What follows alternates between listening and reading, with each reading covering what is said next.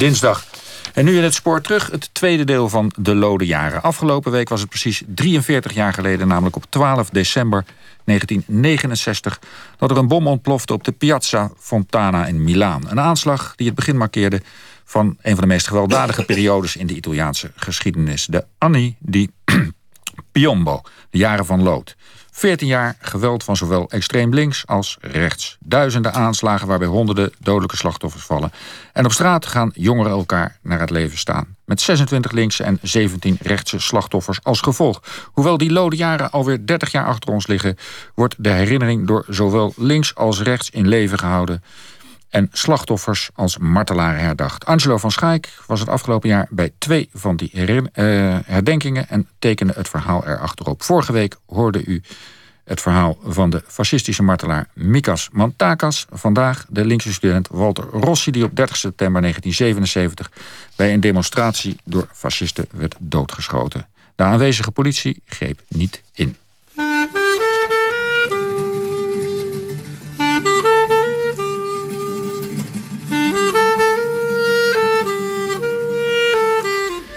Da questo gruppo di fascisti dietro al blindato se ne staccano due o tre, attraversano la strada. Van die groep fascisten steken er twee of drie de straat over.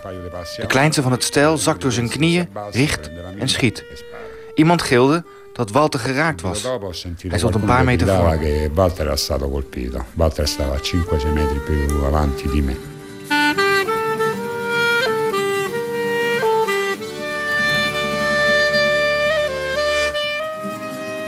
Sparare a Walter Rossi erano stati Cristiano ed Alessandra Librani. Erano stati? Cristiano. Walter Rossi is doodgeschoten door mijn broer Cristiano en Alessandro Alibrandi. We hebben vaak geprobeerd een linkse te vermoorden, onder andere tijdens steekpartijen. Deze keer lukte het.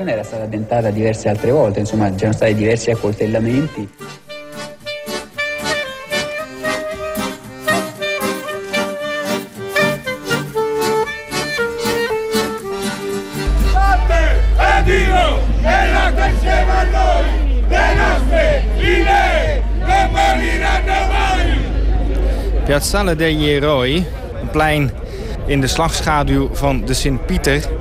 En dit is het begin van de demonstratie, de manifestatie ter nagedachtenis aan Walter Rossi. Walter Rossi, een 20-jarige student die hier niet ver vandaan op 30 eh, september 1977 werd doodgeschoten door fascistische jongeren. En aan de muur van een school hier op het plein hangt een groot spandoek. En daarop staat Walter Rossi, un ricordo senza pace. Walter Rossi, een herinnering zonder vrede. Na 35 jaar is er nog steeds niemand veroordeeld voor de moord op Walter Rossi.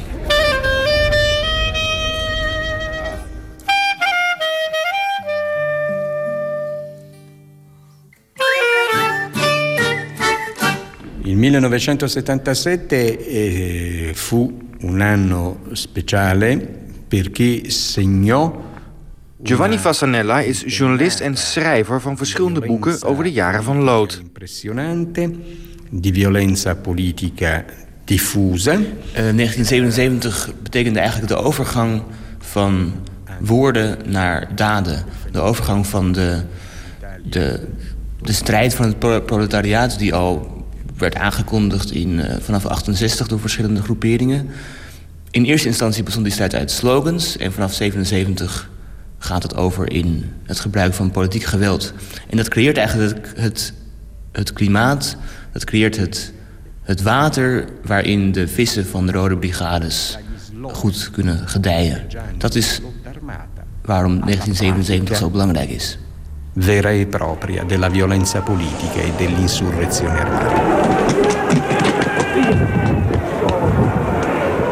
1977 is het jaar waarin de Rode Brigades de ontvoering van Aldo Moro voorbereiden, de rechtse terreurbeweging NAR wordt opgericht en waarin de breuk tussen de PCI, de Italiaanse Communistische Partij, en de linkse jongerenbeweging definitief wordt. Era un'epoca di che significava un grande cambiamento. Alberto Franceschini is een van de oprichters van de Rode Brigades. Certe idee che adesso potrebbero essere un po' pazze come quella di fare la lotta armata per il comunismo, in quel contesto sembravano cose abbastanza normali. Dat was een tijd waarin veel veranderde, zegt Franceschini. En een tijd waarin nu belachelijke ideeën, ideeën als de gewapende strijd voor het communisme, die waren toen volstrekt normaal. In Italië waren er op dat moment, nog buiten de gewapende groepen om, heel veel linkse extremistische bewegingen die geweld niet schuwden. En het draaide bij al die bewegingen om één slogan. Je moet de staat niet veranderen, je moet de staat bestrijden.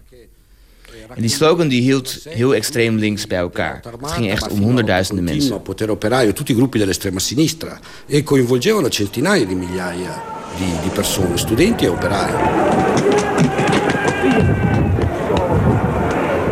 Het bestrijden van die staat betekent in de praktijk demonstraties en bezettingen. 1977 is een jaar waarin er voortdurend rellen zijn tussen de politie en studenten. En tussen linkse en rechtse studenten onderling. Regelmatig vallen er slachtoffers. La sera prima, appunto, il 29, una, sera di fine estate potremmo dire, no? Dei primi... Gigi Di Noia was een vriend van Walter Rossi en in de jaren 70 actief in de linkse studentenbeweging. E da questa macchina partirono quattro colpi d'arma da fuoco. Op 29 september 1977, zegt Gigi Di Noia, dus de avond voor de moord op Walter, stonden we met z'n allen op ons pleintje en ineens kwam er toen een witte mini aanrijden, van waaruit vier schoten werden gelost. Zonder reden. Gewoon omdat dat plein een linksplein was. Zo ging dat in die tijd. come un luogo di aggregazione di giovani di sinistra. E, e- e si veniva attaccati. Roma era divisa, era divisa.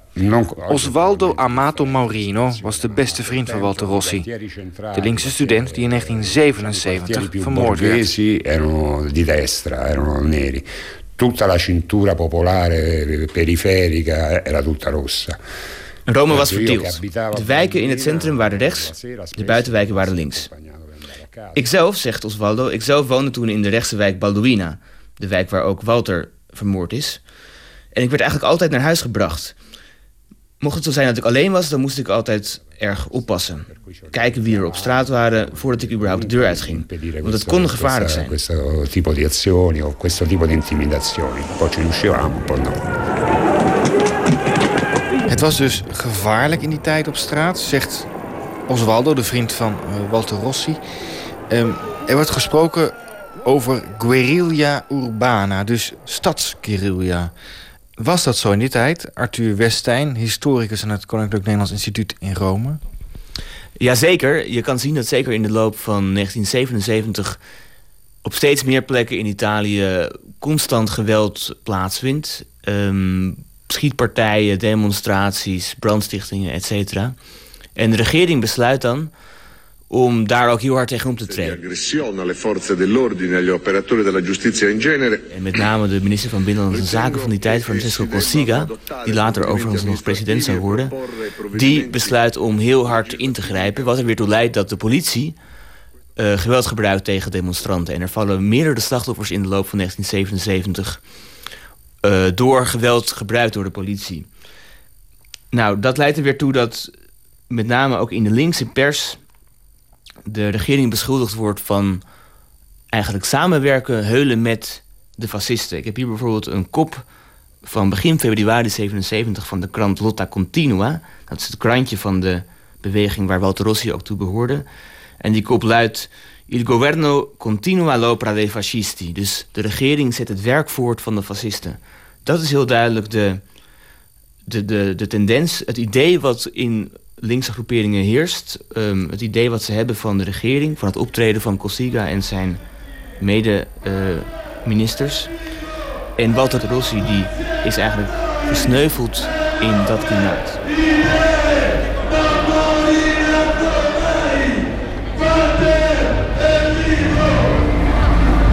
De optocht wordt ge- gedomineerd door een enorme vrachtwagen. Een truck met oplegger. Met erop een enorm sound system.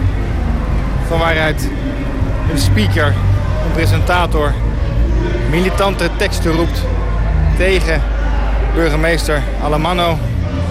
De fascistische burgemeester die heel waarschijnlijk aanwezig was tijdens de moord op Walter Rossi.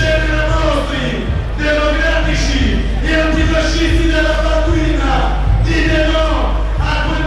e io quel giorno andai all'università appunto a denunciare l'accaduto della sera prima. Ik ging die dag van de aanslag op Walter, zegt uh, Gigi Di Noia. Die dag ging ik naar de universiteit om te vertellen dat de avond ervoor een aanslag was gepleegd op een van onze kameraden. En dat we diezelfde avond nog zouden moeten gaan protesteren voor het kantoor van de MSI, de neofascistische partij. We wisten namelijk eigenlijk vrij zeker dat de aanslag daar was voorbereid. Ik ging toen weer met de scooter terug naar de Piazzale degli Eroi om te protesteren. En een aantal kameraden waren al richting het MSI-kantoor gegaan, maar Walter niet. Walter had op mij gewacht. E Walter mi aveva aspettato invece, stava lì, che insomma, insieme a pochi altri, e, e salimmo insieme. E mentre stavamo a circa 200 metri, 100 metri. Toen we op zo'n 200 meter van het kantoor van de MSI stonden te demonstreren, zegt Osvaldo, toen viel het ons op dat de, de panzerwagen van de politie die voor het kantoortje stond... langzamerhand met gedoofde lichten de heuvel af kwam rijden. En daarachter liep een groep mensen. Zeker weten de fascisten uit het, uh, uit het kantoor.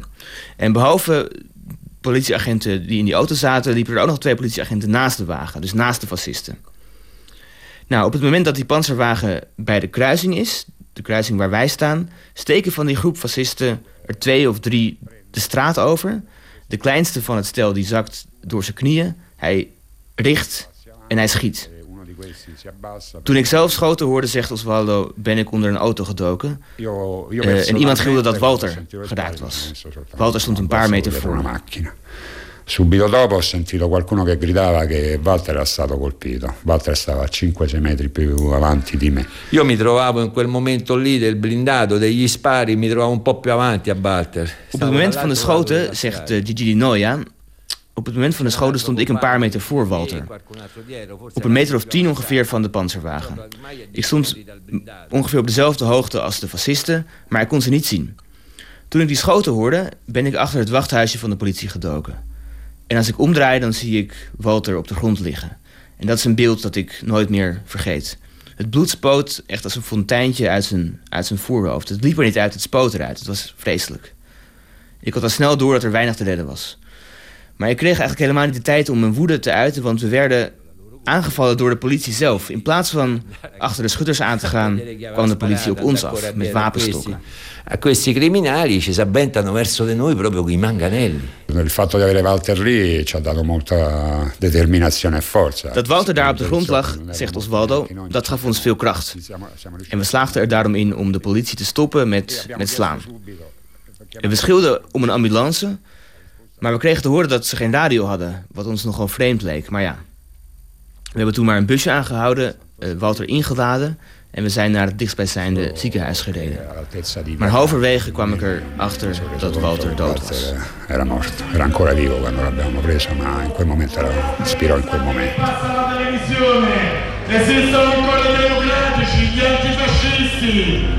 In de oplegger hangt ook weer een groot spandoek waarop staat 30 september 1977 Walter Rossi ucciso da fascisti e la polizia. Vermoord door fascisten en de politie. Sparare a Walter Rossi erano stati Cristiano ed Alessandro Librandi. Erano stati? Cristiano ed Alessandro Librandi. Questo primo morto in realtà arrivava dopo Giuseppe Valerio Fioravanti, oprichter van de rechtse terreurbeweging NAR... vertelt in de rechtszaal dat zijn broer Cristiano bekende de moordenaar van Walter Rossi te zijn. Cristiano is nooit veroordeeld. Dat versterkt het gevoel dat de fascistische jongeren en de politie onder één hoedje speelden. Volgens journalist Giovanni Fasanella was dat niet onwaarschijnlijk. Io parlerei di settori limitati. Er waren binnen de politie, binnen de staat zeker elementen... die, laten zeggen, um, het, het vuur van de, van de strijd tussen links en rechts aanwakkerden. Omdat ze belang menen te hebben bij een klimaat van spanning en, uh, en confrontatie. Dus wat je ziet in de jaren zeventig is dat... Hè, er worden heel veel moorden gepleegd gewoon door jongens van links of jongens van rechts... die denken dat het normaal is om geweld te gebruiken in een periode van burgeroorlog, zoals ze dat zelf uh, zouden betitelen. Maar daarnaast zie je ook dat binnen bepaalde kringen, bijvoorbeeld van de geheime dienst, er, ja, een zeker belang is om die strijd tussen links en rechts levend te houden, om die aan te wakkeren, om die, om die te verergeren. Dus het zou kunnen dat uh, sommige van de, van, de, van de moorden uit die tijd die nooit zijn opgelost, te wijten zijn aan, um, aan dat fenomeen, aan um, bepaalde elementen binnen de staat die uh, de haat tussen links en rechts probeerden te verergeren. Dei fascisti. Quindi c'era anche questo gioco esterno. Si sapeva, era una legge antica come il mondo. We wisten dat de politie probeerde om in onze groep te infiltreren, zegt Alberto Franceschini, een van de oprichters van de Rode Brigades. Dat ze probeerden om onze plannen te saboteren. Maar wat er gebeurde, en daar heb ik het eigenlijk nog steeds moeilijk mee, zegt hij. Wat er gebeurde was dat de politie infiltreerde en ons zelfs stimuleerde om bepaalde acties wel en andere niet te ondernemen. We zijn dus gebruikt. Je zou kunnen zeggen, we zijn gewoon misbruikt. strano che questo non fosse avvenuto in 30 anni di, di, di, di, di, in cui un fenomeno si sviluppa. Circa 3.000 giovani sono usciti stamane in corteo dalle facoltà in cui erano riuniti, dirigendosi verso Piazza Bologna. De moord op Walter Rossi maakt een grote woede los bij linkse jongeren in heel Italië. Overal in het land worden kantoren van de MSI, de neofascistische partij, aangevallen en in brand gestoken. L'impatto fu enorme già nelle ore totalmente immediatamente successive a questa De impact van de, van de moordaanslag op Walter Rossi was enorm, al direct nadat het gebeurd was, in heel Italië. Zegt Osvaldo, de beste vriend van Walter. In Rome, zegt hij, ontstond een spontane demonstratie op Piazzale degli Eroi die boos op weg ging langs de plek waar Walter vermoord was... naar het partijkantoor van de, van de neofascistische partij. En daar liep de demonstratie tegen een muur van politie aan. De politie hield ons daar tegen, vooral omdat de, de rechtercommissaris in het partijkantoor was op dat moment. Uiteindelijk zijn we toen naar het partijkantoor gegaan op de Via Ottaviano. Dat, is trouwens het partijkantoor waar twee jaar eerder Mikis Mantakas vermoord werd. En daar, zegt Oswaldo, daar hebben we onze woede gekoeld. En dat koelen van die woede, dat gebeurde in heel Italië. Bijna alle partijkantoren, alle ontmoetingsplekken van fascisten werden aangevallen. Dus de reactie was direct, hij was zeer gewelddadig... en hij mondde uit in de roep om de sluiting van alle kantoren van de MSI. Een fascistische partij mag niet bestaan, dat was het idee. Fu fondata e subito eh, si disse il partito fascista non ci deve stare, però mai si è riusciti a farlo le nostre idee non moriranno mai. Walter loopt met ons. Hij zal nooit doodgaan. Net als onze ideeën die ooit ook nooit zullen sterven. Dat is wat de oude makkers van Walter scanderen in de demonstratie eh, ter nagedachtenis van hem. Walter Rossi è diventato appunto un simbolo, il simbolo dell'antifascismo di questa zona di Roma. Walter Rossi is echt een symbool van het antifascisme in Rome. Um, en vooral uh, voor mijzelf is het een symbool omdat hij, uh, ja, hij, hij, komt, hij kwam uit dezelfde buurt waar ik ben opgegroeid.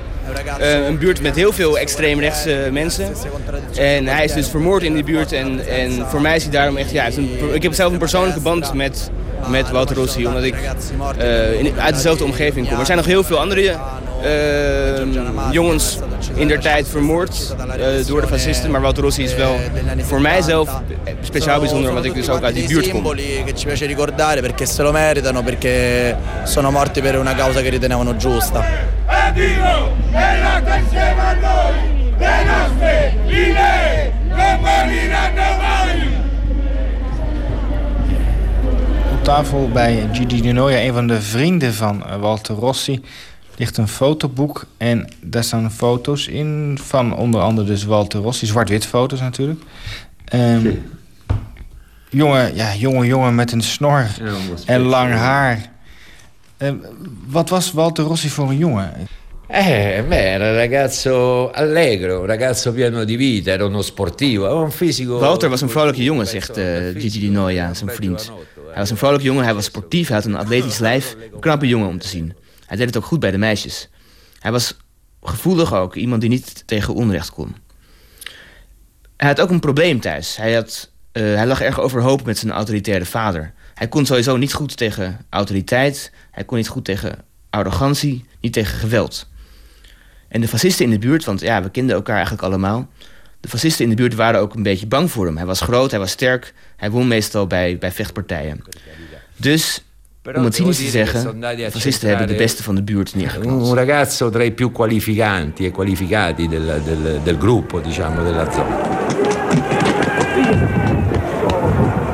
Rossi maakte deel uit van Lotta Continua. En wat ze zelf noemde Organizzazione di Massa. Een organisatie die opkwam voor het volk. Lotta Continua was een van de tientallen linkse organisaties in die jaren. Organisaties die de grootste communistische partij van West-Europa, de PCI, die op het hoogtepunt bijna 35% van de stemmen kreeg, niet links genoeg vinden. Journalist Giovanni Fasanella. Le 1900, tra il 1968... Die bewegingen ter linkerzijde van de communistische partij... die ontstaan eigenlijk allemaal zo in de nasleep van 1968. Um, en ze delen ten eerste hè, het, het, verzet tegen autoriteit, tegen hiërarchie. Dat is één kenmerk dat ze gemeen hebben. Een ander kenmerk dat ze delen is dat ze de communistische partij te, te slap vinden, te veel aanschurkend eigenlijk tegen het uh, kapitalistische bestel. En in tegenstelling tot de democratische manier waarop de communistische partij de maatschappij wil hervormen, kiezen deze bewegingen eigenlijk heel bewust voor revolutie door politiek geweld. Dat verschil tussen aan de ene kant de democratische keuze van de communistische partij en de keuze voor geweld van die meer extreme groeperingen, dat is het onderscheidende kenmerk. Alla sinistra del Partito Comunista nacquero diciamo, su questo uh, discrimine. In quegli anni diciamo che la, la, democrazia, il Parlamento era un giudizio comune abbastanza diffuso che fosse un gioco truccato. Veel mensen waren ervan overtuigd dat de democratie vals was, zegt de rode brigadist Alberto Franceschini. En daarnaast waren er de bommen. Vanaf 65 ongeveer was er sprake van wat je zou kunnen noemen de strategie van de spanning. Een strategie van rechtse bomaanslagen die Italië richting een dictatuur moesten brengen, net als in Griekenland. En daarom groeide bij links weer de overtuiging dat ook de politiek zelf niet geloofde in de democratie en dat je dus de frontale, gewelddadige confrontatie moest zoeken. Je kon wel democratische middelen gebruiken, maar als je de macht van de hoge burgerij echt aantastte, dan was het antwoord geweld en pogingen tot staatsgreep. En dat verzonnen we niet, dat was echt waar. Er zijn in die tijd minstens drie rechtse pogingen geweest. Cioè, I colpi, i tentativi di colpo di Stato in Italia furono tanti in quegli anni, almeno tre. Via Stresa, una strada in una zona residenziale di Roma, Via Camiluccia, sono le 10 meno 10. Op 16 maart 1978 wordt Aldo Moro ontvoerd. De leider van de Christendemocratische Partij was samen met Enrico Berlinguer, de leider van de PCI, de architect van het Compromesso Storico. Het compromis dat de Italiaanse Communistische Partij als volwaardige partij accepteerde en regeringsdeelname mogelijk moest maken. De Rode Brigades maken de breuk met het PCI duidelijk. L'idea di sequestrare un politico era un'idea così grossa, era un'idea vecchia, che già avevamo noi, che già avevo io. Het idee van het ontvoeren van een belangrijke politicus hadden wij al, zegt Alberto Franceschini, de oprichter van de Rode Brigades. In 1974, net voordat ik gearresteerd werd, zegt hij, hebben we de ontvoering voorbereid van Andreotti. En Andreotti was een van de belangrijkste, machtigste politici van het naoorlogs Italië. Voor ons, zegt Franceschini, voor ons vertegenwoordigde Andreotti de rechtse christendemocraat... die tegen extreem rechts aanschurkte.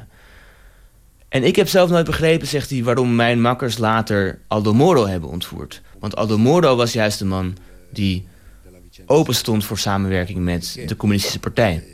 En waarom ze hem hebben ontvoerd is voor mij een mysterie. La, la persona che non dovevano sequestrare secondo il mio punto, il mio punto di vista. L'influenza internazionale eh, c'è stata e... Die moord op Aldo Moro die getuigt van, van invloed van die internationale belangen die meespeelden in de jaren 70. Want wat was er gebeurd als het plan van Moro gelukt was... wat was er gebeurd als de communistische partij daadwerkelijk was toegetreden tot de macht... dat had waarschijnlijk betekend dat er een soort van normaal democratisch proces had plaatsgevonden... waarbij dus de communistische partij van Italië een normale democratische partij was geweest. En dat toekomstmodel dat druiste eigenlijk in tegen datgene wat Brezhnev, de leider van de Sovjet-Unie, voor ogen had. Want een normaal opererende communistische partij zou eigenlijk het hele Sovjet-model ondermijnen. Hè? Het hele model gebaseerd op de dictatuur van de communistische partijen in het oosten.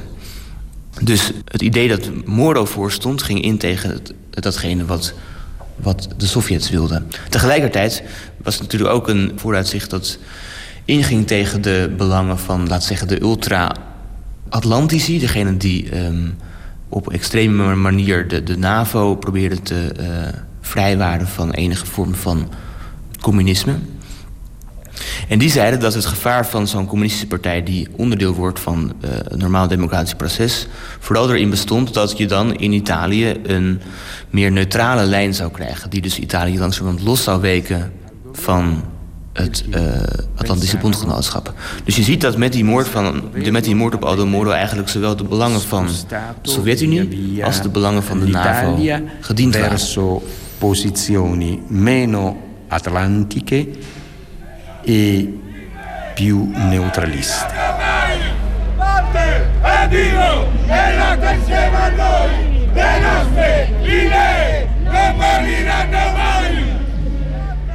Arthur Weststein, historicus van het Nederlands Instituut in Rome. De sfeer is gemoedelijk, maar de teksten zijn redelijk militant. Ja, dat is een gekke uh, paradox eigenlijk. Het is best wel een gezellige sfeer. Uh, mensen lopen gewoon een beetje vrolijk uh, in, in optocht door, door Rome. Maar tegelijkertijd wordt er, wordt er helemaal geen ja, mogelijkheid gecreëerd om bijvoorbeeld ook de mensen van rechts erbij te betrekken. Het blijft heel erg ja, de ideologie van confrontatie uitstralen. Opvallend. Het is vooral ook, het is niet een, um, behalve dat het een, een, een herinneringstocht is, optocht, is het vooral ook een, een aanklacht, een vraag, om, uh, vraag voor de waarheid. Ja, zeker. Dat is ook opvallend. Het, is, uh, het, motto van de herdenking is dat het een un ricordo senza pace, een, een herinnering zonder vrede. Dat is het, uh, de leus die staat op het grote banier dat vooraan de optocht wordt meegedragen. En daaruit blijkt wel dat het, de, de, de, de heersende sfeer uitgaat van dat, dit, eh, dat de waarheid nooit gevonden is. De, de, de, de daders zijn nooit gevonden. En er is nog steeds geen ruimte om, um, ja, om er vrede mee te hebben. Met, uh, met, met wat er gebeurd is. Er is nog steeds geen ruimte om het verleden achter zich te laten en vooruit te kijken. Maar nog steeds wordt er vooral ja, in, het, in het verleden geleefd.